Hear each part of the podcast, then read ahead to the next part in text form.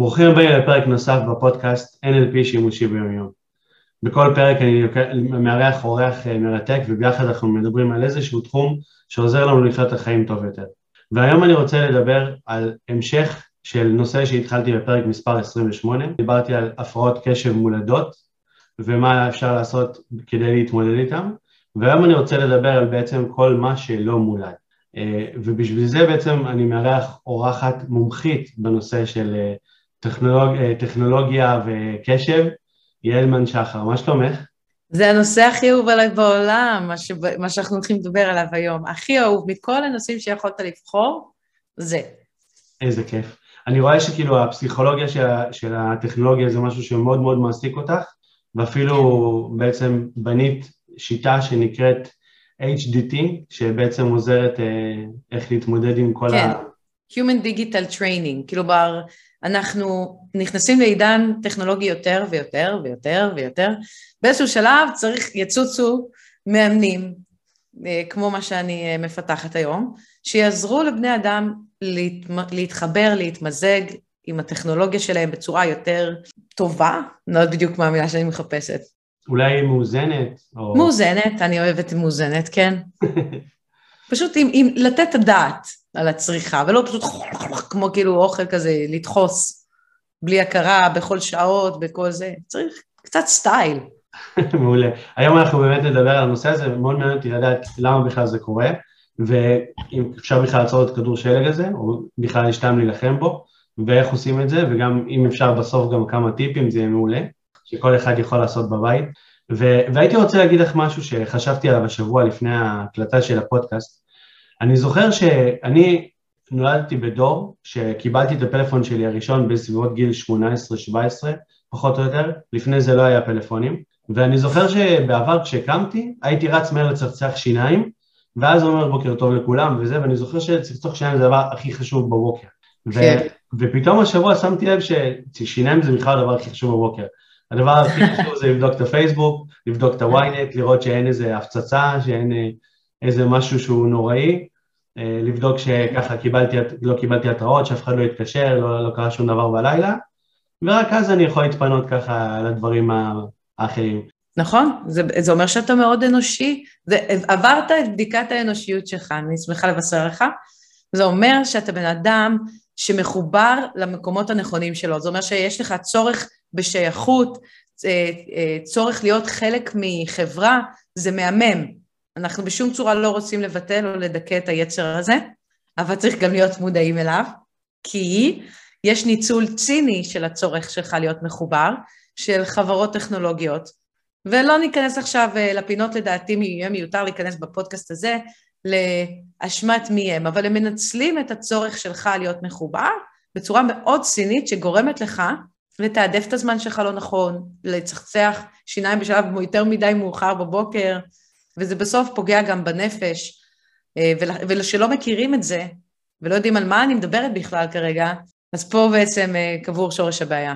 אז אולי באמת בואי רגע נדבר על זה. בואי בוא נשאל בעצם מה קורה לנו כשאנחנו נמצאים, כי אני יודע שנגיד אני בנייד לא רק בגלל שייכות ואהבה, אלא הרבה פעמים גם בגלל שליטה. כשאני כאילו כל הזמן ניזון נגיד מהחדשות ו, ובכלל, אז אני בשליטה, אני יודע מה קורה, אני יודע שאין הפתעות. כן, אני... זה עוד ניצול ציני, הכל פה ניצולים ציניים. אתה, מי ש... אבי, אנחנו נחזור על זה כל הזמן. אתה, מי שאתה, נשמע לי תקין, באמת ציון מאה באנושיות. אתה אומר כזה דבר, אה, אתה רוצה בוודאות. מה שמניע אנשים בעולם זה צורך בוודאות. אני עכשיו, לא יודעת, אה, אם הבן שלי חזר הביתה, אני יושבת פה איתך בפודקאסט, ואני מתחילה להילחץ, כי היום הוא חוזר מוקדם, ואומרת, הוא הגיע, לא הגיע, הוא זכר לקחת מפתח. ואז אין לי ודאות, אני מתחילה להרגיש אי נוחות, סטרס, תקרא לזה איך שתקרא לזה, אני לוקחת את הנייד, או כל מכשיר טכנולוגי אחר שעומד לרשותי, מסתכלת, אה, oh, נכון, יופי, אני רואה שהוא הגיע, נרגעתי. כלומר, אני עושה את הפעולה הטכנולוגית כדי להירגע. אממה, ברגע שבתוך המכשיר הטכנולוגי, היום זה סמארטפון, מחר זה משהו אחר, מחכים כל מיני מלכודות אינטרסטיות של עוד אנשים. מה שקורה זה שאני נשאבת לתוך בדיקות מיותרות. כלומר, יש משהו שנקרא גם עודף בדיקות, אם תרצה OCD למיניהם, עודף של משהו. שזה כבר מייצר אצלי חרדה. הנה, הסתכלתי, הבן שלי בבית, נרגעתי. אבל ראית שבוויינט רשום ש-14 איש נמצאו לכודים במערה, מה זה? זה גם ידיעה מעניינת, וגם זה מעניין אותי לדעת, מעניין אותי להתעדכן, להתעדכן, להתעדכן, ואז, אוי שיט, עוד דקה יש לי שידור עם אבי ולא הספקתי אפילו, אה, איפה הקישור, אני... הש... השאיבה הלא רצונית בהכרח לרוב תייצר סטרס בעולם האמיתי. זה מדהים, האמת שבמקרה, אה, בפרק מספר 29, שלדעתי זה פרק אחד לפני, דיברתי על כל הנושא הזה של סטרס שהוא נהיה כרוני, ממש לאורך זמן, ואיך הוא משפיע על הבריאות שלנו עד כדי מחלות. אז זה כן. ממש מתקשר אחד לאחד עם הנושא הזה. מה, 80 עד 90 אחוז מהמחלות המערביות הנפוצות בעולם, שזה סוכרת, אה, התקפי לב, המקור שלהם הוא בעודף קורטיזול בדם, דיינו סטרס. זאת סטרס כרוני. זה אומר שאנחנו, כרגע הסברה המחקרית בתחום שלי, הפסיכולוגיה של הטכנולוגיה, שאם יש לך התראות ואתה נוטה להתעדכן יותר מפעמיים במדיות אה, כמו אה, מדיות חדשותיות, כמו ynet, וואמאקו למיניהם, ואתה בודק את המייל שלך יותר משלוש פעמים ביום, ואתה, ו... ו... אתה בעצם חי בסטרס תמידי. אז להבדיל מעשן כבד או כל מיני דברים כאלה שאנחנו יודעים, ייקח לך בערך משהו כמו שלוש-ארבע שנים להגיע לתוצר של, עוד, של סטרס כרוני. קלטתי שבעצם בתקופות שאני בהן יותר בסטרס, כאילו אני יותר מודאג נניח מדברים שקורים לי, או מאם זה, תראה, כל, כל דבר, ש, כל תחום בחיים שקצת לא, לא מסתדר לי, אז אני מחפש את היותר שליטה בוודאות, ואז מבחינתי נכנס יותר למדיות, כי שם יש את השליטה בוודאות, אבל זה מכניס אותי כן. יותר לסטרס. תרשום זה... משפט, קח, אתה, עליי, לחשבון הבית, והוא באנגלית. Technology appears to us when we are most vulnerable. זאת אומרת שהטכנולוגיה בהכרח תזהר יותר, תהיה מושכת יותר, כאשר אנחנו פגיעים. זאת המגמה, ככל שאתה יותר, בוא נעשה את זה כזה דבר, ככל שאתה יותר פגיע, יותר מרגיש עכשיו בדאון, קרה לך איזה אסון, ככה בהתאמה, בהלימה של כמעט תרצה מתאם מאוד מאוד גבוה אתה מרגיש צורך להיות בתוך הטכנולוגיה. היא מחלישה אותך יותר ואז אתה נהיה עוד יותר פגיע. ואז. נוצר סירקולציה, כן. בעצם פסיכיאטרים שלי יצא לראיין, היה לי פעם אה, תוכנית רדיו בנושא, וראיינתי לא מעט פסיכיאטרים, הם אמרו לי, תראי את האבסורד, דווקא אנשים שכרגע מרגישים שהם חוו עכשיו משבר אה, בזוגיות, בקריירה, בזה, הם צריכים להתרחק נגיד ממדיות חברתיות כמו מאש. זה, זה הרמה, פסיכיאטרים. כי מה שקורה זה שצריך להבין, יש אנשים שדואגים לקרינה שיוצאת מהנייד. בואו תבינו שיוצא מה, מהנייד המון המון דופמין. אותו חומר שמשתחרר בקזינו, בסמים, וזה חלק מהמשחק, בסדר? זה לא אומר שלא להשתמש בטכנולוגיה, צריך להיות מודע. ואז אם אתה פגיע ואתה נוגע בזה, אז כרגע אתה לוקח אקס, יותר מדי דופמין, הרבה מעבר למה שמותר לך, בהכרח אתה תצרח יותר כי אתה פגיע, ויכולות להיווצר אה, שיבושי, אה, בוא נקרא לזה, במקרה הכי גרוע, התמכרות. אתה כבר מאבד את הדעת, אתה 14 שעות בנייד, וזה יכול לקחת אותך גם למקומות של... לא בא לי לדכא. לא, זה, זה, זה צריך להגיד את האמת, אין מה לעשות. אבל זה כאילו, הרבה אנשים לפעמים מקשיבים עכשיו למילים שאנחנו אומרים, הם כן היום במקום שהם מבינים, הם יכולים להתחבר, אבל הם לא מסתכלים עדיין שמאלה וימינה, ורואים פתאום מישהו הולך ברחוב, פתאום קורס מסטרס. זה, זה עוד לא קורה, וייקח עוד זמן עד שזה יקרה. אנחנו בהתחלה של ההשפעות של זה. פשוט בגלל שהטכנולוגיה, תראה איזה אירוני, בגלל שאנחנו כל כך בעידן של מידע וטכנולוגיה, אז הגענו לזה מהר, כן. לנזקים. יש הרבה מחלות שקטות, כמו מיגרנות, כמו פיברומיאלגיה, כמו ג'וליאן ברה, או כל מיני מחלות אחרות שפשוט מתפרצות להן בשקט, שלא כן. יודעים בדיוק מה המקור שלהם, והרבה פעמים זה מקור של סטרס כרוני שנובע בעיקר ממדיה וממה שחושבים עליי וכל מיני דברים. לגמרי.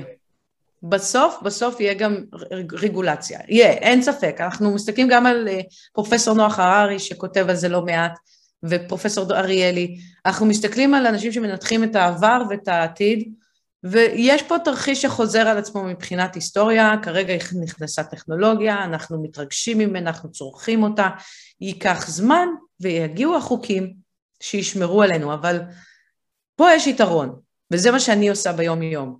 אני מנסה להנהיג שינוי מלמטה למעלה, להלהיב את האנשים, את פשוטי העם, על התכנים האלה, על כמה קל לעשות שינוי, ולא לחוות את כל הדברים האלה שאנחנו מדברים עליהם, ואז בסוף למעלה יתעוררו ו...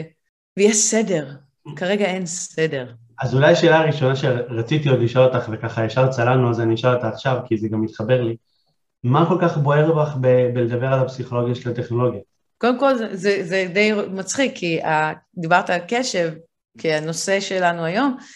אני בעצמי, אגב, יש לי הפרעות קשב, יש לי אה, ADD, ומאוד מרתק אותי לראות שיש אנשים שאני יודעת שהם לא נולדו עם ADD, כי אני מכירה אותם שנים, או פשוט יש לי את הנתון, אבל הם מתנהגים מאוד דומה אליי.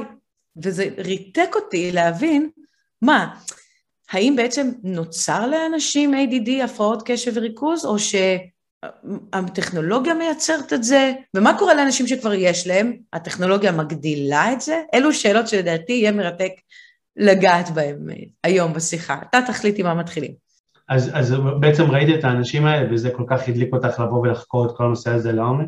כן, כן, כן, כי גם רציתי להבין איך זה משפיע עליי, האם אה, קשה להיות, לי למשל, אם אנחנו מדברים, ועכשיו אה, תוך כדי יהיה לך התראות, צפצופים, הבהובים, אפילו לא צפצוף, כן, יהבהב לך משהו שם בצד, זה ממש, אה, יהיה לי ממש קשה להתרכז. יש הרבה אנשים שיגידו לך, וואלה, לא, לא שמתי לב אפילו. כן. בסדר, זה הרגישות. כמעט כל דבר יסיח את דעתי, זה ADD. הקשב שלי הוא כאילו מתחיל להתמקד, וקשה לי להחזיק את המיקוד הרבה זמן, ואז זה עוד פעם מתפזר. ואז אני כל פעם במלחמה של לנסות להחזיק את זה. אבל אני אגיד לך משהו יותר מזה. אם עכשיו, אני לא רואה את הטכנולוגיה שלך על השולחן, אני לא יודעת אפילו אם היא שם, אבל לא נגלה לקהל כרגע, תשאיר את זה כסוד. עכשיו, אני רואה אותך, נגיד, אה, תוך כדי שאני מדברת, מסתכל למטה. מאוד קוטע לי את הקשב. Mm-hmm. אז למה אני מספרת לך את זה? מתוך המצוקה הזאת שנוצרה לי, אני לא הצלחתי להשתתף בפגישות, אני לא הצלחתי להרצות. היה לי, רציתי לנסות להבין את כל הדבר הזה. מה, רק לי זה מפריע? וזה משם בערך התחיל המסע, והתשובות נערמו פה על השולחן, הן רבות, אני צריכה שאתה תנחה אותי כאילו מה הכי מעניין אותך לשמוע. אוקיי, okay, אז מעולה. אז קודם כל אולי באמת נתחיל עם השאלה הבוערת שאמרת מקודם. אנשים שאין להם הפרעות קשב וריכוז, באיזשהו כן. מקום הטכנולוגיה יכולה לגרום להם לתופעה שממש דומה להפרעות קשב וריכוז. נכון. אז אולי נכון. נדבר שנייה על זה, כאילו, איך זה קורה, ולמה שאנשים יעשו את זה לעצמם? מה שקורה זה ש... בואו נסתכל על התוצאה. בסופו של דבר יושבת יעל ול... ולידה יושבת מיכל. למיכל אין, אין ADD, היא לא אובחנה מעולם, וגם עכשיו עשו לה עוד פעם בדיקות ולא יצא, הכל תקין בנורולוגיה. Mm-hmm. אין, אין שם ADD, זה משהו נורולוגי שנולדים איתו, כן. וגם יש לו מרכיב גנטי מאוד חזק. יעל, לעומת זאת, יש לה ADD, אובחנה, יש תעודות, יש רישיון, יש הכל. על פניו, נראה שאנחנו מתחילות להקשיב בשיעור מאוד מעניין. פרופסור אריאלי בא בעצמו להעביר לנו שיעור, מרתק. אנחנו יושבות עם הדף והעט ומתחילות להקשיב, אחרי משהו כמו חמש, שבע דקות לכל היותר, המתצפתת שמה לב שגם אני, גם יעל איבדה אה, קצת הקשב, היא, רואים אותה קצת, אה, רואים אותי חולמת בהקיץ, בחלון, וגם מיכל, רואים שהיא, היא, משהו בשפת גוף שלה רואים שהיא איבדה. עכשיו נשאלת השאלה, מה קרה לכל אחת מהן לאבד? אז אצלי, אמרנו, זה נורולוגי, בהכרח, אני באמת לא שולטת בזה, פתאום המחשבות נודדות.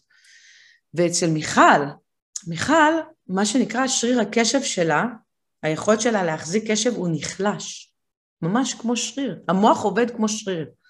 היא במשך שנתיים, שלוש, חמש שנים מחזיקה בטכנולוגיה חכמה, בהתראות. היא יושבת על המחשב וכותבת עבודה, ותוך כדי יש לה טיט טיט, פופ פופ. אז בעצם, תוך כדי שהיא מנסה להתרכז בעבודה, לעשות אימון לשריר, היא מפסיקה את האימון באמצע, בודקת בהודעות, אוקיי, חוזרת להתאמן. אבל כל הזמן, האימון, אז בעצם כל הזמן היא, היא מפסיקה את האימון שלה לטובת בדיקה של הודעות. כותבת בדיקה של הודעות. אז אין בעצם אימון משמעותי, ארוך וחזק. ככה, שפתאום אתה שם להרצאה של חצי שעה של פרופסור אריאלי, מעניין ככל שיהיה, זה כבד לשריר שלה להחזיק את זה, אז הוא פשוט נופל. עכשיו, אם מחכה לה טלפון למטה, או מחשב או לפטופ או גירויים דיגיטליים, היא גם תבדוק אותם, כי היא, היא התמכרה לדופמין. Mm-hmm. אבל אם אין, היא תאסוף את עצמה ותחזור להקשיב. אם היא, תס... אם היא תצליח לעקוב, יכול להיות שהוא כבר רץ קדימה והיא איבדה את ה flow, כן. גם זה אופציה. אז זה מה שרואים בתצפיות, כאילו זה יש שוני בין למה יעל היא הורידה את הראש עכשיו למטה או לחלון, לבין למה מיכל זה קרה לה.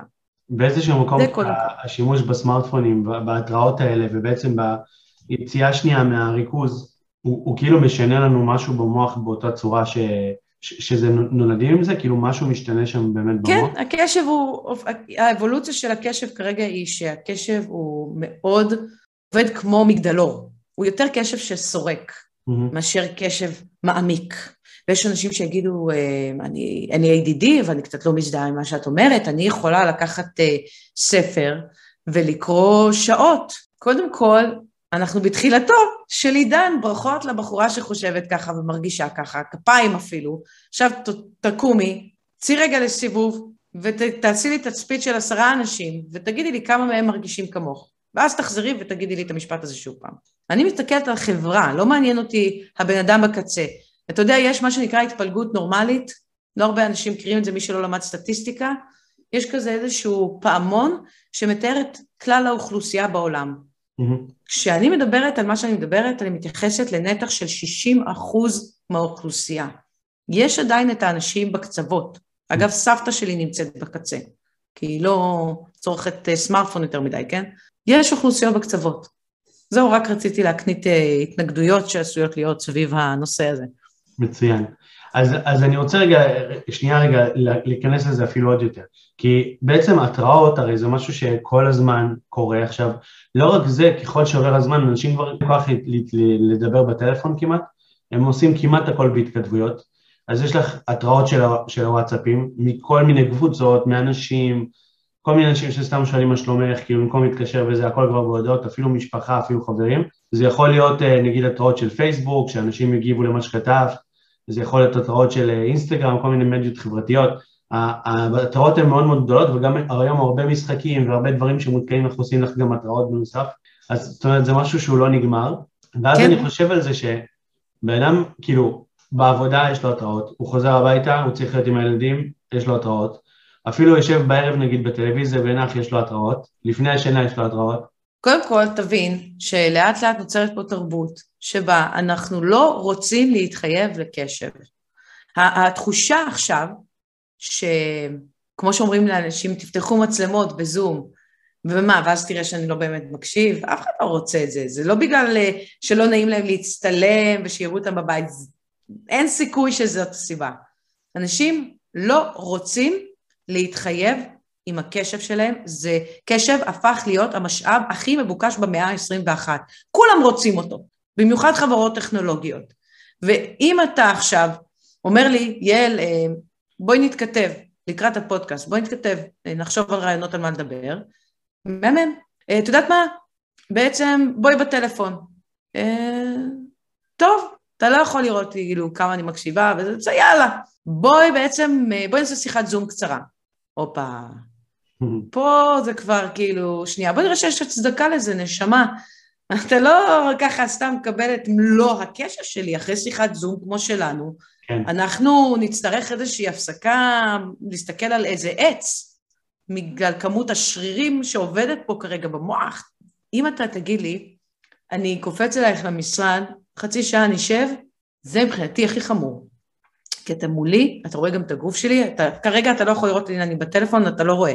אבל כשאתה בא אליי נוכח, אני צריכה ממש זה החדר כושר הכי הכי חמור במרכאות. Mm-hmm.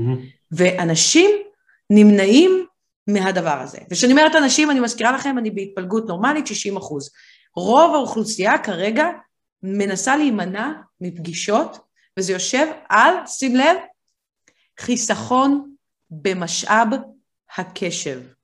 בוא, אבי, עם כל הכבוד והאהבה שלי אליך, ויש לי המון, בוא נתכתב, נשמה. ככה אני אוכל גם לג'נגל אותך, וגם תוך כדי אה, לעשות עוד דברים במקביל. אתה לא רוצה? אתה יודע מה? יאללה, זום. בוא נעשה זום, תוך כדי שאתה מדבר, עם כל הכבוד. אני עם חלונות פתוחים פה, יש לי וואטסאפ, יש לי פייסבוק, יש לי זה. אני כן. תוך כדי ככה מדי פעם, אתה גם אולי תראה את זה בעיניים שלי, אני גם מדי פעם מסתכל, כן, וימשיך. ברגע שאתה לא מתאמן על קשב מחייב, על סיטואציות כאלו, של, שאני חייב לתת את מלוא הקשב, אז השריר קשב נחלש, ופתאום שיחה של עשר דקות פרונטלית עם מישהו שזה פגישה, יכול להיות... אה, אבל אני רוצה להסתייג, כי אחד הדברים שאני אוהבת, אני גם מלמדת ככה סטודנטים, אני רוצה להגיד משהו ואז לסתור את עצמי, כי אני לא גורו ואני לא מתיימרת להחזיק במידע. יש פה דואליות. מצד שני ושלישי, אם אני ואתה ניפגש, מבחינת המוח והמאמץ, זה יהיה הרבה יותר קל ונעים mm-hmm. מאשר הזום הזה. עכשיו תשאל למה. אני חושב שאולי מבחינת החיבור, לא? מבחינת החיבור, כאילו הקשר הבין אישי, מה שנקרא. בוא נתרגם את זה לשפה מדעית, נקרא לזה אנדורפינים. Mm-hmm. כמו ששמים לך, כאילו, אני חושבת, ישר עלה לי אה, דימוי של אפידורל ולידה, אוקיי? אבל זה להלחש את האזור הכואב. תראה, לשבת עם מישהו שעה, נגיד, והוא ידבר ואני אדבר, ו... וזו גישה, נגיד, עניינית, לא חברית, יש בזה המון מאמץ מוחי. אז האנדורפינים, זה המהות שלהם באבולוציה, אגב. ממש, הם משתחררים יחסית בכמויות mm-hmm. נכבדות, והם עוזרים לסיטואציה הזאת להיות נעימה. ובזום, לא משנה כמה אנחנו נחייך אחד לשני ונעניין אחד את השני, אה, אה, כמעט ולא משתחררים אנדורפינים. לא, לא סרטונין ולא אוקסיטוצין, ובטח לא... אה, שזה כל החבר'ה הטובים בעצם, זה כל ההורמונים הטובים שגורמים... כן, זה מקל, זה כאילו משכך כאבים טיפה, של לפעמים אינטראקציה בין אישית יכולה להיות מעייפת, אז זה כאילו טיפה מאלחש את האזור הכואב, אז זה הדואליות שנוצרה, אתה מבין? אז מצד אחד כאילו יהיה לנו יותר קשה להיפגש פיזית, מצד שני זה מפצה על זה בהרבה הורמונים טובים והרגשה טובה. סיכמת את זה מצוין, אני אתן לך את זה אפילו במשפט. אם אתה תגיד לי, יעל בואי ניפגש, אני ישר, אגב, אנחנו יודעים, רואים את זה כבר ברמה הכי מדעית שיש, אני משחררת uh, קורטיזול למחשבה. Mm-hmm. Uh, אני לא אוכל לעשות דברים במקביל, אני צריכה ממש לפנות זמן, לעצור את כל החיים שלי, לא לעשות multitasking וטה-טה-טה, ואני ממש, אנשים משחררים קורטיזול למחשבה של פגישה פיזית. ואז, כשאתה תגיע, אז בעצם זה יהיה לי בהכרח יותר נעים בסופו של דבר. אני מראיינת גם הרבה חבר'ה צעירים שבכלל פתחו בפניי, בפתיחות רבה, את זה שאם אתה מבקש מהם לדבר בטלפון, להיפגש, אני בכלל כאילו כרגע, אני מורידה מהשולחן, מהדור הזה. אם אתה רוצה להסביר לי משהו, מצוין, בוא נתכתב. ואתה כזה, תוך כדי התכתבות, אוקיי, אה, אה, מעניינים, אה, מצוין, מתי אתה רוצה להיפגש? אה, ואז פתאום אתה מחייג. אנחנו מתכתבים, ותוך כדי אתה מחייג. זה, זה מלחיץ בטירוף. כאילו, קודם כל, אתה קריפי בשיגעון, כאילו, באיזה זכות, אתה יודע שאני זמינה, אתה עושה לי אמבוש? ו- ואז, אחרי המון המון ראיונות, הבנו, מה שקורה, זה שזה משול אצלם לדפיקה בדלת. תגיד לי את האמת עכשיו ואל תהיה צבוע. אם עכשיו, אנחנו מסיימים את הפודקאסט, פתאום אתה שומע דפיקה בדלת. אתה כזה, אתה כזה עם עצמך כזה, מה? כן, מי מעז לבוא ו... הזמנתי משהו? מישהו מחכה למשהו פה? ב... טוב, אתה ניגש לפתוח את הדלת, ואתה פותח את הדלת במעין כזה, אתה רואה פתאום את השכנה מלמעלה, שאתה מכיר, אתם מיודדים טוב, הכל אחלה באחלה, אבל אתה רואה את השכנה וכזה, היי רונית, אה, ויש לך כזה חיוך, אבל זה רק חצי חיוך, כי אתה לא מצליח להבין מה קרה, אולי היא נתקעה מחוץ לבית, היא צריכה עזרה, ואז היא אומרת לך, אה, תגיד, אתה גם ראית שמחר מפנים איזה משהו וצריך להוריד את כל הדברים? אה, לא, לא ראיתי, למה, מה...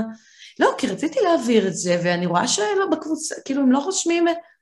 וכל מה שעובר לך אבי בראש זה למה אחותי היקרה לא התקשרת או שלחת אס.אם.אס? למה הופעת לי פה פרונטלית כפית את עצמך על הפרטיות שלי בזמן אמת.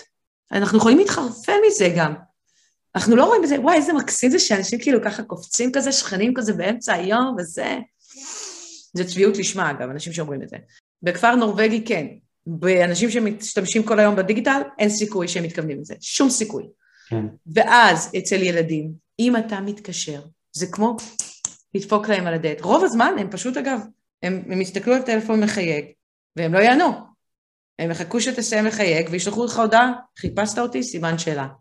וגם מבוגרים היום עושים את זה. אני, אני כאילו תוך כדי ככה חושב על כל הדברים האלה, וכאילו הדבר הראשון שעולה לי בראש, זה שאנשים כאילו מצד אחד נורא חרדים לזמן שלהם, וכשמישהו מתקשר אליהם, הוא יכול לקחת להם מהזמן, וכשמישהו בא אל, או זום, הוא בא אליהם, זה עוד יותר לוקח להם מהזמן, וזה קצת מאבד שליטה בכאילו... אבי, זה אל תשלה את עצמך, זה לא עניין של זמן ויעילות, כי הם לא ענו לך לדלת, הם נשארו על הספר, הכניסו את היד לתוך המכסיים גרבץ, והמשיכו לראות איזה סדרת נטפליקס. אל תספר לעצמך סיפורים. אנשים לא חרדים לזמן שלהם, כי הזמן שלהם זה הדבר כרגע הכי לא מנוצל בעולם, by far. הם שלוש שעות בממוצע, האדם הממוצע המודרני, שלוש שעות נשרפות על junk דיגיטלי. אז אל תספרו לי סיפורים על חרדה לזמן, זה לא יעיל, שניפגש. זאת חרדה של קשב, לתת את חרדה, סוג של חרדה חברתית מודרנית, שאני לא רוצה עכשיו, אבי, שתבוא אליי ואנחנו נשב חצי שעה, ובזמן הזה אני לא יכולה תוך כדי לבדוק הודעות ולהתקיים במדיה החברתית. לא מתאים. זה ממש מאמץ. זה ממש מאמץ, ולא בא לי על זה. חוץ מזה, הדבר שאינטראקציה חברתית זה משהו שהוא סבוך. האינטראקציה הבין-אישית, גם mm. ככה יש בזה, אוי, שיט, נראה לי העלבתי אותו, אוי, לא, הייתי צריכה לתת לו קודם להגיד, זה מלא בכל כך הרבה מאמץ, שאתה אומר, איזה כיף זה יהיה לא לדבר עם מישהו תוך כדי, ותוך כדי מדי פעם כזה, אולי לשחק קנדי קראש, תוך כדי שאני מקשיבה לך 20 דקות מלמד אותי משהו. כן. למה לא? ווין ווין. אגב, יש אנשים שעושים את זה בפרצוף. הסטודנטים באוניברסיטאות, תשאל אותם, מה, מה הולך היום בכיתות? הלפטופים פתוחים, אני יושבת מאחור כתצפיתנית, 100 אחוז, לא תגיד 90, לא תגיד 95 אחוז, 100 אחוז מהסטודנטים, תוך כדי שהמרצה המעניין, יש לומר, מרצה, הם תוך כדי עושים עוד משהו. כי מי אתה בכלל שאתה חושב שתקבל את ה-100% קשב שלי? מי אתה? דן אריאלי? לא, לא. אז אני יכול לספר לך יותר מזה, אני יכול לספר לך שהשבוע הייתי בהופעה של מה קשור, וישב לפניי מישהו שתוך כדי ההופעה הוציא את הפלאפון והתחיל לשחק באיזשהו משחק. והייתי חייב להעיר לו, כי זה נורא סינוור אותי, פשוט לא יכלתי יותר, זה נורא סינוור אותי. ואמרת לו?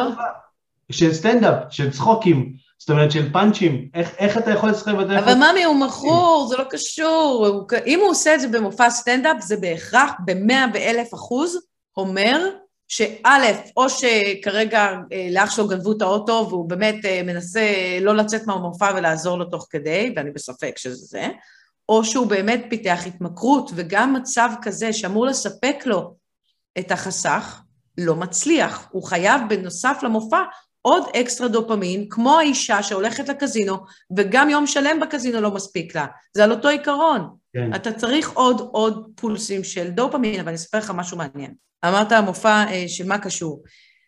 למה, נגיד, הם באמת במצבים שיש איזה סושרד עכשיו מופיע, מטריף לך את המוח עם איזה קסם, או מה קשור, הסטנדאפיסט האהוב עליך עולה על הבמה, שם הצורך להתעדכנות או להיות בנייד יורד, לא נעלם, אנשים עדיין בודקים, גם בסטנדאפ יש לי תמונות של זה, של אנשים במהלך אה, מופעי בידור מוציאים טלפונים, בסדר? אתה יודע מתי זה קורה? שרגע הסטנדאפיסט במשך איזה דקה שלמה לא יצחיק אותו. יש לו ירידה של דופמין, הוא פונה לנייד, בודק רגע, מתעדכן, נשאר מחובר, אחראי, תקרא את זה איך שתקרא את זה, תעטוף את זה באיזה שקרים שאתה רוצה. הוא מתעדכן, יורה לעצמו כמה פולסים של דופמין, הנה הוא חזר להצחיק, אני מכניס את הטלפון. אבל בואו נחזור לאנשים הרגילים. הם לא מוציאים טלפונים במהלך המופע. Mm-hmm. ונשאלת השאלה למה. כי הם כרגע מקבלים מענה הולם של אנדורפינים, ודופמין במיוחד. כל עוד אתה, וזה לקח חשוב, אבי, תקשיב טוב, אם אתה עכשיו מעביר איזו הרצאה בזום או פרונטלית, ואתה לא מספיק מדבר בצורה מהודקת, עניינית, מצחיקה, אה, עם תמונות וזה, ואתה לא מספק את הסחורה, אז אל תיעלב במרכאות אם אני תוך כדי אהיה גם בנייד. Mm-hmm. כי אתה, אתה דילר יקר שלי, אתה, הסחורה שלך לא משהו. אז בסדר, אבל הנה, אני מכבדת, הנה, עדיין נכנסתי לזום, בכיף. אני פשוט אהיה תוך כדי, אני פמפם לעצמי. כי, אבל בוא נחזור לשיחה על קשב, בוא נאסוף את זה בחזרה. בסוף, קשב, הדלק שלו זה דופמין. אתה יודע מה זה רטלין? זה, זה בעצם עוזר לדופמין להיספג, נכון? זה גורם לשחרור יותר גבוה של דופמין בסינפסה. משהו קורה לקולטנים של הדופמין. ואז החומר מצטבר יותר בתוך המוח, ואני יכולה להקשיב. Mm-hmm. אם חסר, אם אני רוצה לא לקחת רטלין, אולי אני אקח חתיכה של שוקולד, אולי אני ירוץ תוך כדי שאני מקשיבה לך. אבל ברגע שיש לי דופמין, קל לי להקשיב לך. Mm-hmm. ומה שאנשים אומרים לך היום, כשהם תוך כדי שאתה מדבר, הם במדיה החברתית ובטלפון וזה, הם אומרים לך, אבי, אני, אני באמת, אני פועל מהמקום הכי חם שיש. אני רוצה לתת לך כבוד, אני רוצה להקשיב למה שאתה רוצה להגיד, אבל אני חייב, שנייה רגע, אני אקח פה כאילו מזרק, חייב אבל לפמפם לעצמי קצת דופמין. זה או זה או לא לקחת רטלין, ולדעתי זה עדיף. וכל השיח הזה שסיפרתי לך עכשיו, קורה באיזה 40 קומות מתחת לתת מודע כרגע. כן. כי זה עטוף בשקרים. זה מדהים, זה בעצם מעלה את המודעות בצורה מאוד חזקה, כאילו למה אנחנו בכלל עושים כל הדברים האלה? שאנחנו חושבים שזה שליטה, אנחנו חושבים שזה שייכות, אבל בעצם יש לזה סיבה הרבה יותר אה, ביולוגית אפילו, נכון, הישרדותית שלנו, אה, בעצם כאילו להיות עם הבן אדם, להקשיב לו, ועדיין כאילו לא ללכת ולהיעלם לאיזשהו מקום אחר, אז אנחנו כאילו מפמפמים את עצמנו קצת. בדיוק, בדיוק. זה המשחק. זה השחקנים שלך, אם אתה רוצה באמת להצטרף לעולם המחקר שלי, אתה צריך לדבר איתי בשחקנים של דופמין, קורטיזול, אדרנלין וקשב שהופכת, וקשב שהוא המוצר הכי הכי מבוקש. ברגע שאתה מבין את ארבעת השחקנים האלה, אתה מתחיל ממש לשלוט בתוך הדבר הזה שנקרא עידן הדיגיטל. אז, אז קודם כל דיברנו על כל הסכנות שזה יכול להביא איתו, כל המחלות והסטרס הכרוני ובעיות קשב מאוד, מאוד חמורות שרק מתגברות עם הזמן. אז אולי עכשיו ננצל את הזמן שנשארנו לדבר על איך אנחנו מתחילים לצאת מתוך ההרגל הזה, שהרגל הזה חלקו הופך להתמכרות, אבל גם אם הוא לא התמכרות, אם זה רק הרגל שעדיין לא נהיה התמכרות, איך אנחנו יכולים טיפה לחזור אחורה, מה שנקרא, בהרגלים האלה, להתחיל לסגר הרגלים חדשים. איך אומרים ב-NLP, זה הרבה פעמים, אני לא למדתי אף פעם, אבל קולגות תמיד מטפטפים לי את זה. זה כאילו, אני יותר מסתכלת על זה, איך אנחנו יכולים להתנהל עכשיו אה, קדימה, כמו שעשינו עם מזון, בצורה שהיא ככה, אנחנו ממשיכים לצרוך בדיוק את כל מה שצרכנו לפני, רק בצורה יותר חכמה. Mm-hmm. את הסופגניה אני אתקע באזור ה-10 עד 4, ולא על הבוקר או רגע לפני שאני הולכת לישון. כן. אנחנו לא נפסיק בהכרח לאכול סופגניות, לצורך, אלא אם כן יש לך איזושהי בעיה בריאותית, יש לך הפרעות קשב קשות, יש לך איזה משהו זה, אז, אז צריך תזונאית כבר, צריך פה שנייה, רגע, גם, גם סופגניות לא. שזה אז מקביל לשיח, שאם יש לך כרגע איזשהו דכדוך בחיים, mm-hmm. אז להפחית, אם אפשר לרמת אפילו האפס, את הבדיקות במדיה החברתית. זה השיח. Mm-hmm. לנהל את זה. אה, איזה כלים? תראה, הכי קל זה להבין משהו שכלכלה התנהגותית הסבירו לנו, ואפילו פרסו, הם זכו בפרס נובל על הסיפור הזה. שאנחנו, בני אדם, נשמר סטטוס קוו, כל עוד הסביבה שלנו היא מלא מלא עוגיות, אנחנו נאכל לא בריא. זהו. לא משנה מה אתה יודע, לא משנה כמה משכילים ההורים שלך, זה לא משנה. ההתנהגות היא מעוצבת על ידי הסביבה. מה הסביבה? אה, הנה, נגיד זה סביבה. זה הסביבה הטכנולוגית שלך, נכון? כן. הטלפון. מהמם. בוא נראה. יש מיליון דברים שאתה יכול לעשות פה, שיעזרו לך לנהל את המשאב קשב, ולשחק עם המדדים של אדרנלין, דופמין וקורטיזול. אחד מהם. הכי חשוב, ואני באמת, אני, זה הנושא שאני הכי חופרת עליו, ההתראות. בכל הסוגים, כל המינים, כל הצבעים. התראות יכולות במחשב, התראות יכולות להיות מה, תכף מהמקרר שלך שידבר עם הכביסה, שידבר עם, ה, עם שואב אבק, לא מעניין אותי. התראות זה משהו מלאכותי שנכנס לעולם שלנו והגוף שלנו לא מגיב לזה טוב. כמו זיהום אוויר. כן. לא טוב. זה זיהום אוויר, התראות זה זיהום אוויר. אז אם עכשיו אני ואתה מדברים, ואתה אומר לי, אגב, יעל, אני אספר לך, כי תמיד יש את אלה שהם, אני כבר עושה את התפקיד שלך, כן? יעל, אני אספר לך שאני השתקתי את כל ההתראות שלי, ההתראות שלי הן כולן אה, שקטות, אפילו שאני עובד, הטלפון שלי על אה, שקט. קודם כל זה מהמם. השאלה, האם אתה מבין שהתראה זה התראה? זה לא משנה אם היא רטט, צפצוף, הנה עכשיו נדלק המסך, זאת התראה? כן.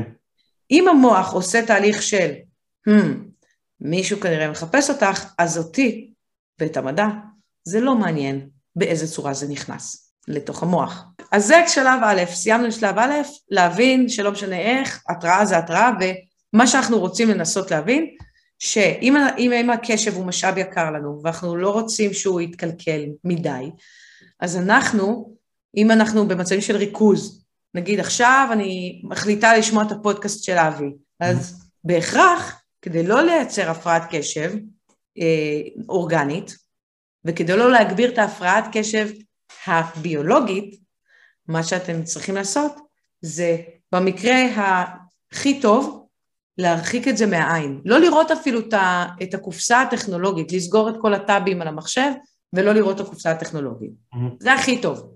כן. נגיד שאתם לא, לא יורדים עכשיו, אה, גם לי ממליצים לאכול לחם קוסמים. לא אוכלת, בסדר? אז השלב הבא יהיה שהטלפון לידכם, ומה שנקרא עם כיסוי או הפוך, ואתם לא רואים דברים שעשויים להידלק. Mm-hmm. הדבר הבא שאתם יכולים לעשות, זה כבר למתקדמים, להוריד התראות, ככה שגם אם הטלפון שלי כאן, ושכחתי לכסות אותו או להפוך אותו, שום דבר לא יקרה בו שפתאום יגנוב לי את הקשב. אבל עכשיו יגידו לך אנשים שמקשיבים לנו, אני לא מבינה מה היא, היא לא עובדת, אין לה ילדים, אנשים לא מחפשים אותה, מי בכלל שהיא יכולה להתנתק ככה לחצי שעה? כן. אני שואלת מי אתם, האנשים שלא יכולים להתנתק לחצי שעה לשמוע עכשיו פודקאסט. מעניין. מי אתם? אבל לא משנה, אני אימא לשניים, יש לי חברה שלי, יש לי אנשים שעובדים תחתיי, אני עובדת גם עם חו"ל, יש לי 20 אלף סיבות, יותר מרוב האנשים הממוצעים שמקשיבים עכשיו לפודקאסט, להיות סופר זמינה. אבל זמינות זה פילוסופיה. אני לא זמינה במיידי. Mm-hmm. ויש מלא דרכים, אם תשלח לי הודעה, יקפוץ לך, היי, אה, זה מענה אוטומטי, אם אתה צריך משהו דחוף, תתקשר למספר הזה. ישלח אותך למספר של המשרד. באמצע ההרצאה. אבי, אם זה דחוף, נשמה, הנה אני אומרת לך, באמצע שאני עכשיו מקליטה איתך פודקאסט, תפאדלו, תקשר אליי למשרד, בסדר? אבל שום דבר לא דחוף עד כדי כך. ואם משהו דחוף, אז שיפריע לי באמצע ההרצאה, בסדר? ואז, כשאני אסיים את הפודקאסט שלנו, אני תמיד לוקחת לעצמי חמש-שבע דקות של אה, הפסקה טכנולוגית, אני קוראת לזה, ואני אפתח את הטלפון, כשאתה כבר לא פה, mm-hmm. ואני אעבור במרוכז על הודעות. וכן, יהיו אנשים שיגידו, יואו, יעל, איזה סיוט איתך, את לא עונה, כאילו, שולחים לך הודעה ומחכים לפעמים שתיים, שלוש דקות ואת לא עונה, יואו, יואו, יואו, איזה סיוט, איזה סיוט. אז חבר'ה, הם בהפרעת קשב, הם בסטרס. אנחנו ראינו את זה על מחקרים של בבונים. בסדר, אתם, אין מה לעשות. אתם תצאו מזה, תהפכו להיות אנשים בריאים. תמיד יהיו לידכם אנשים של, איזה שטויות זה, מה, לא לאכול סופגניה בלילה? מי אומר לך את השטויות האלה? אני אוכלת סופגניה כל לילה ותראי, לא קורה לי כלום. תמיד יהיו האנשים האלה. כן. בסדר? שיתעצבנו עליכם. תשמרו על הקשב שלכם, אלו הדרגות, איך מורידים התראות, תפנק אותם לדעתי באיזה לינק כזה ליוטיוב שמראה איך להוריד התראות. האמת שאני שם בסוף כישורים, אז אפשר גם לשים את הכישור הזה בכיף. כן, כאילו, באמת, אנשים אומרים לי, איך אני מורידה את ההתראות? ממי, ממי, 121. איך מכינים קוק? את יכולה כאילו לרשום, ותוך שנייה יהיה לך סרטון. לא נגנבת ששואלים אותי את השאלות האלה. זה, אני חושב שזה נובע מלחץ, כי אני חושב שכשבן אדם, אם יש לו התראות, יש לו שליטה, כי אם יקרה משהו, הוא יקבל ישר התראה על זה. כאילו, במחשבה, תראה, המעוותת של הבן אדם. אבל אם אין התראות, יכול לקרות משהו והוא לא ידע מזה, וזה יכול לגרום לו לחוסר ודאות וחוסר שליטה, והוא יהיה בלחץ רק מזה שאין לו התראות. בהכרח מה שאמרת, נכון. אם אני, יש לי התראות, הרי למה לכל האוכלוסייה, אגב, הרוב המוחלט של האוכלוסייה יש להם התראות, שתדע. כן. נכון ל-2021, זה ישתנה עד 2023. עכשיו, ברגע שאתה, יש לך התראות, אתה אומר, יעל, בואי אני אסביר לך משהו. את, את התבלבלת, את גם נראית כזאת צעירה, בטח את לא, עוד לא הבנת איך העולם עובד. תראי, אם אני עכשיו אה, איתך, ואני יודע שבמידה ומישהו מהמשרד או הבן שלי מחפש אותי, הוא יכול לקפוץ לי על המסך, ואני מיד אראה את זה, זה מאפשר לי להיות איתך ולהיות רגוע. ואתה בהכרח, אגב, אומר לעצמך את, את מה שאמרתי, את הטקסט הזה, אם יש לך התראות. נקודה. לא, אין פה מקום להתווכח בכלל. כן. אני באה ואומרת, אתה צודק במאה אחוז. השאלה, מה המחיר? אני למשל, כל פעם שאני לוקחת קוביית שוקולד, זה אמיתי לגמרי אגב, אני מצליחה להיות סופר מרוכזת לעשר דקות. אז אני בעצם לא מפסיקה, כל עשר דקות אני לוקחת קוביית שוקולד. אמ, יש לי עכשיו חשד לסוכרת, מה המחיר? אתם משלמים מחיר עבור השירות הזה של להיות זמין במידה ומישהו... המחיר הוא קורטיזול. היום, אם אתם משתמשים בהתראות, כמו אה, אנשים שמעשנים ויש להם מלא ניקוטין, כמו אנשים...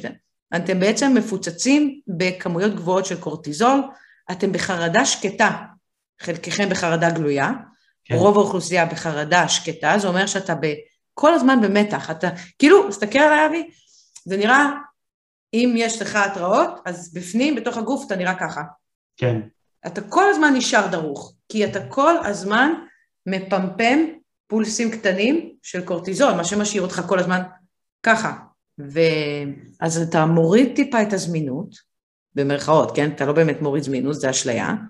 אתה מאפשר לאנשים, אתה אומר להם איך אפשר לתפוס אותך במידה ויש משהו דחוף, ויש מיליון דרכים, ויאללה, כנס לעולם שכולו שמירה על קשב ושפיות.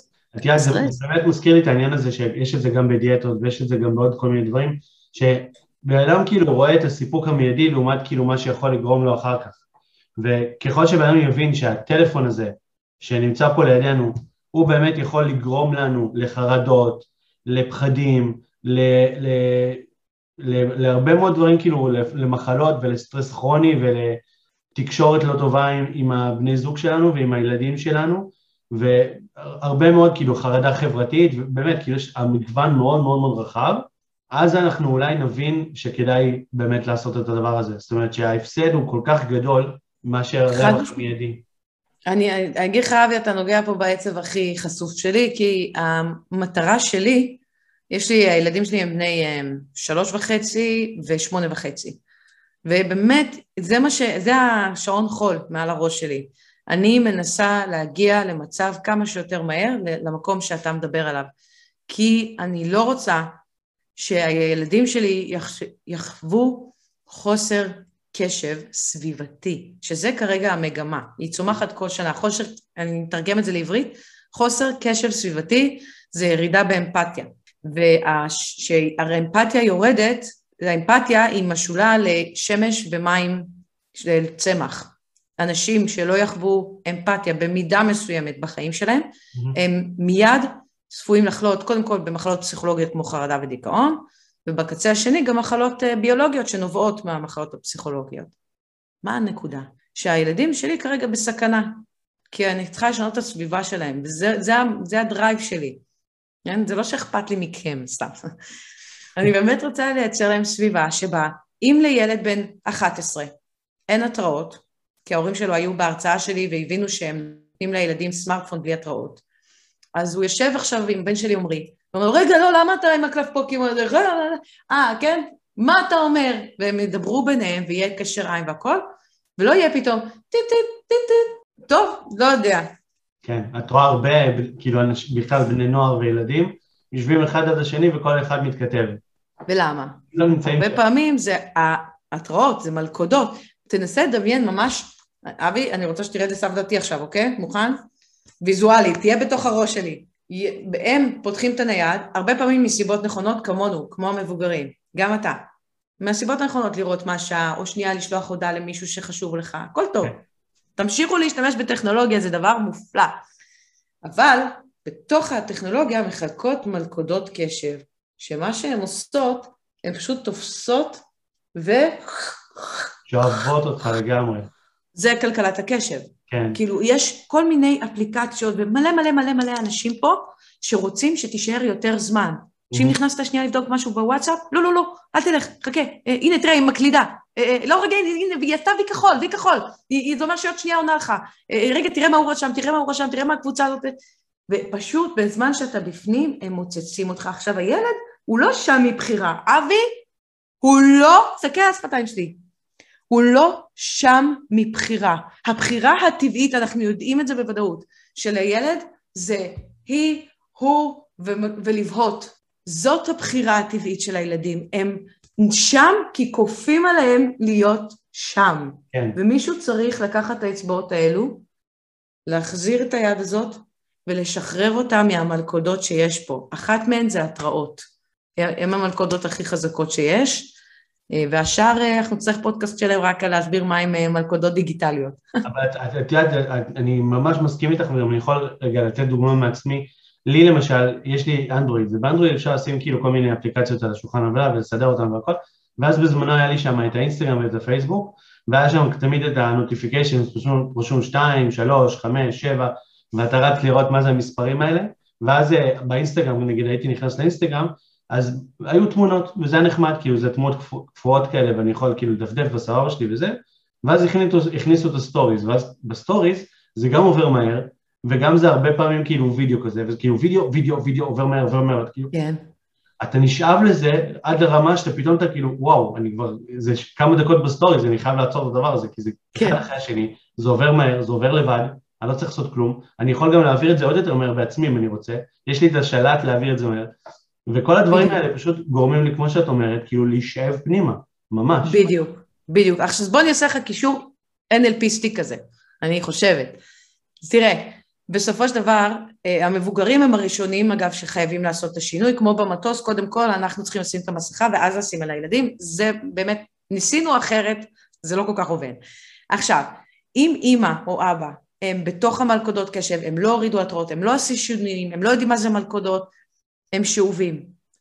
הילד שלהם, אוקיי, הולך לבית ספר ויש חשד שיש לו הפרעות קשב. עוד, היום יש מלא אבחונים שגויים אגב. Mm-hmm. ספק נורולוגי, ספק ביולוגי, לא משנה. הוא לא... קשה לו להתרכז בכיתה. כן, אתה הולך לתצפיות בבתים, ותראה איזה קטע. מה אתה מגלה? שהילד, כשהוא בבית והוא מנסה לשאוב אמפתיה, את הדבר שהוא, כמו שעגל בא לינוק חלב, הם יונקים עד גיל מאוד מאוחר, אמפתיה, במיוחד מהסביבה הביתית המשפחתית, החיבוק של אימא, נכון? כן, ואז האימא יש לה מלכודות, היא בעצמה רק נכנסה לראות מה השעה ופתאום... ושאימא בטלפון לעומת אימא בעיתון, זה מבט אחר לגמרי. מהמבט הזה לעומת המבט הזה. גם הראש טיפה יותר נוטה ויש ממש כזה סטרס כלפי הטלפון. הילד חווה משהו שנקרא elsewhere, אימא במקום אחר. גם אם היא, אומר, גם אם היא עונה לי, גם אם היא מניחה רגע את הטלפון בצד ואומרת, נו, מה רצית להגיד לי? מה אתה אומר? אבל הטלפון פה, כן, הילד חווה כן. תחושת מצוקה, והוא לא מודע לה בכלל אגב, שהיא איתי כל עוד זה לא מצפצף או פתאום נפתח ומשהו כזה. ואותו ילד שחווה המון elsewhere בבית, הולך אחרי זה לבית ספר, והוא הוא ביותר סטרס משאר הילדים. עכשיו, צ'ריטי זה משוואה. כן, הסטרס מתורגם לבעיות קשב. ניסינו לעקוב אחרי המחילה הזאת, ואז הלכנו אחורה, וזה מה שמצאנו באוניברסיטת MIT במסצ'וסס, בראשותה של פרופסור שרי טורקל, שמה וי אחד שמן על כל מה שאמרתי, הם חוקרים את זה כבר עשור. אז לא, הורים, ולהתחיל מהמבוגרים, פשוט להרחיק את הטלפון כמה שניתן, לעשות איים של קשר, נכון? איים של טכנולוגיה, כאילו זה אומר זמנים ביום, נניח בכל שעה עשר דקות, אנחנו יודעים שאנחנו הולכים לטלפון ובודקים התראות. ואז הרבה יותר קל לנו אחר כך לשחרר את הטלפון, כשאנחנו יודעים תראה, את-. אתה לא צריך לשים על זה את ה mind יותר מדי. once הורדת את ההתראות זה קורה מעצמו. בהתחלה אתה תבדוק כל שלוש שניות, כי התרגלת כבר לפולסים של קורטיזול וזה חסר לך. אחרי שלושה ארבעה ימים זה נרגע, ואתה לבד, בלי להכריז, אתה מוצא את עצמך יותר בודק הודעות ב monotask. בלי להגיד אה, עכשיו שלוש פעמים ביום, אני עושה, בלי להכריז, פסיבי. ראית איזה שינוי? אז לפני שאתם רצים לדחוף לילדים אה, רטלינים, ולא שאני, אגב, יש ילדים שצריכים רטלין, אני בעד, יש, רוב הילדים לא צריכים. ויש ילדים שצריכים אה, כל מיני טיפולים של קשב וריכוז וריפוי ועיסוק, מהמם. רגע לפני שאתם טסים בין כל החוגים, כן. תזמינו אותי במרכאות, אני כבר לא אבוא, אבל תזמינו אותי הביתה, ותנו לי לראות רגע כמה אלסוור יש בבית שלכם, ואולי עוד כמה דברים קטנים שאתם יכולים לשנות את האוטופליי ב, ביוטיוב ובנטפליקס, ואולי קצת להוריד לילד את ההתראות ו- ולעשות לו לא שעתיים רצוף טכנולוגיה, אלא שעה והפסקה. הנה, בבקשה, קחי את הילד, בואי נראה, תשלחי אותו עכשיו לבית ספר. אה, תראה איזה קטע, תן, תן, תן. הילד מצליח יותר להתרכז כי הוא רגוע. זה, באמת לחשוב על זה שזה כמו שריר, שאנחנו צריכים להת... בעצם לאמן אותו, צריך לאמן אותו כמו שהולכים לחדר כושר ומאמנים את השריר של הידיים, אז מרימים משקולות, ולפעמים זה כאילו קצת קשה, כי ככה זה בונה את השריר, ואז הוא מתחזק, אז גם פה לפעמים יכול להיות זה בהתחלה קצת קשה, להיכנס לריכוז יותר ארוך, אבל זה עם הזמן השריר מתחזק וזה נהיה קל מפעם לפעם. כן, בול. אפשר לקרוא לזה משפחה מרוכזת, לעשות משחק בדיוק. משפחה מרוכזת. הלוואי. אל תדאג, ככה או ככה, לא משנה כמה אנחנו מדברים פה, זה יקרה. אני פשוט מנסה להאיץ את זה שזה יקרה. אני, אני איתך, אני מנסה לעשות את זה איתך ביחד. אז יאללה, בוא, בוא נפיץ, בוא נפיץ, בוא נגרום לאנשים להבין ולעשות שינוי. יעל, אני ממש ממש מודה לך על הפרק המדהים הזה, שהיה ממש מרתק. הרבה שמחתי. מאוד תובנות, הרבה מאוד ככה מחשבות. אני כבר הולך לסגור את ההתראות שלי ולשים את הטלפון בצד, וזה באמת משהו שאני לוקח לתשומת לבי, אני קורא לזה משפחה מרוכזת מהיום. יאה. ואל תשכח שהימים הראשונים הם קשים, כמו כל שינוי שאנחנו מחליטים לעשות uh, בחיים שלנו. אז uh, התרגלנו לצפצופים ופתאום זה חסר לנו באוזן ואנחנו מרגישים uh, חסך. ו- ו- ואני אשמח אם תוכלי ככה לספר נגיד איך הם מקבלים עוד פרטים לגבייך, לגבי כל מה שאת מדברת עליו, וכמובן שאני גם אשים קישור כאילו מתחת לפרק, אז... אז תראה, קודם כל אני חושבת, אני נגישה, מה שנקרא במידע, אני נגישה לאנשים, פשוט מנהלת את זה. אם יש לכם שאלות אישיות אליי, אתם תמיד, דרך אחת מהפלטפורמות שאני אגיד, יכולים לפנות אליי. אני מקליטה לאנשים, אבי, אני יושבת בימים מרוכזים. היי רוני, תודה על השאלה, ואני פשוט עונה לאנשים, אז תרגישו בנוח לפנות אליי, אני מתכוונת לזה. אין לי מדיה חברתית אישית, מכל מיני סיבות, אבל יש מדיה חברתית של העסק שלי. אתם יכולים להיכנס יעלמן שחר בפייסבוק, אתם יכולים להיכנס לבלו פיין באינסטגרם, מה עוד יש? אתר שנקרא יעלמן שחר. אם כן. תרשמו יעלמן שחר בגוגל, הוא יגיד, אה, בואו, אתם באתם לעשות שינוי, בבקשה, הנה, הנה, הנה, הנה. הפודקאסט שלך שהקלטת עם אה, הרבה מאוד אה, דברים. כן, כן, יש לי אה, שלוש שנים של פודקאסט עם אלון נוימן ואורי גוטליב, גם, אבל זה כבר ימים ימימה, מאז עשינו דרך. אז תודה רבה באמת על הכל, על כל השפע, ואני מאוד מאוד נהניתי, ואני כבר הולך לעשות צעדים ראשונים החל מעכשיו. יאללה, מעולה. אמא, מה קרה לאבא? הוא מציק לי שאני אוריד את ההתראות, תגידי לו שייקח את הכדורים שלו. נמאס לי מהשטויות האלה, די כבר, תעזוב אותי. אנשים ירוצו אחרי מזרק להזריק לי בכוח. כן, שינוי עושים, אני, תמיד יש את האימא המורעלת הזאת שראתה עכשיו איזה פודקאסט על, אה, על תזונה, רק, אני מכניסה מהיום, רק לחם חי הביתה. ופתאום כשאתה בא למקרר, וואו, מה זה? ושנייה, רגע, אני, טוב, אני לא צריכה להגיד לך את זה, כן, אבל צריך לרתום את האנשים שינוי. אני אומרת, שנייה, קודם תעשו מבחן, בדיקה, תראו, תעשו על עצמכם, בדיוק. תראו שאתם מצליחים, ואז תאספו את כולם. תודה רבה רבה רבה. ואהבה גדולה. עד הפעם הבאה. עד הפעם הבאה. ביי.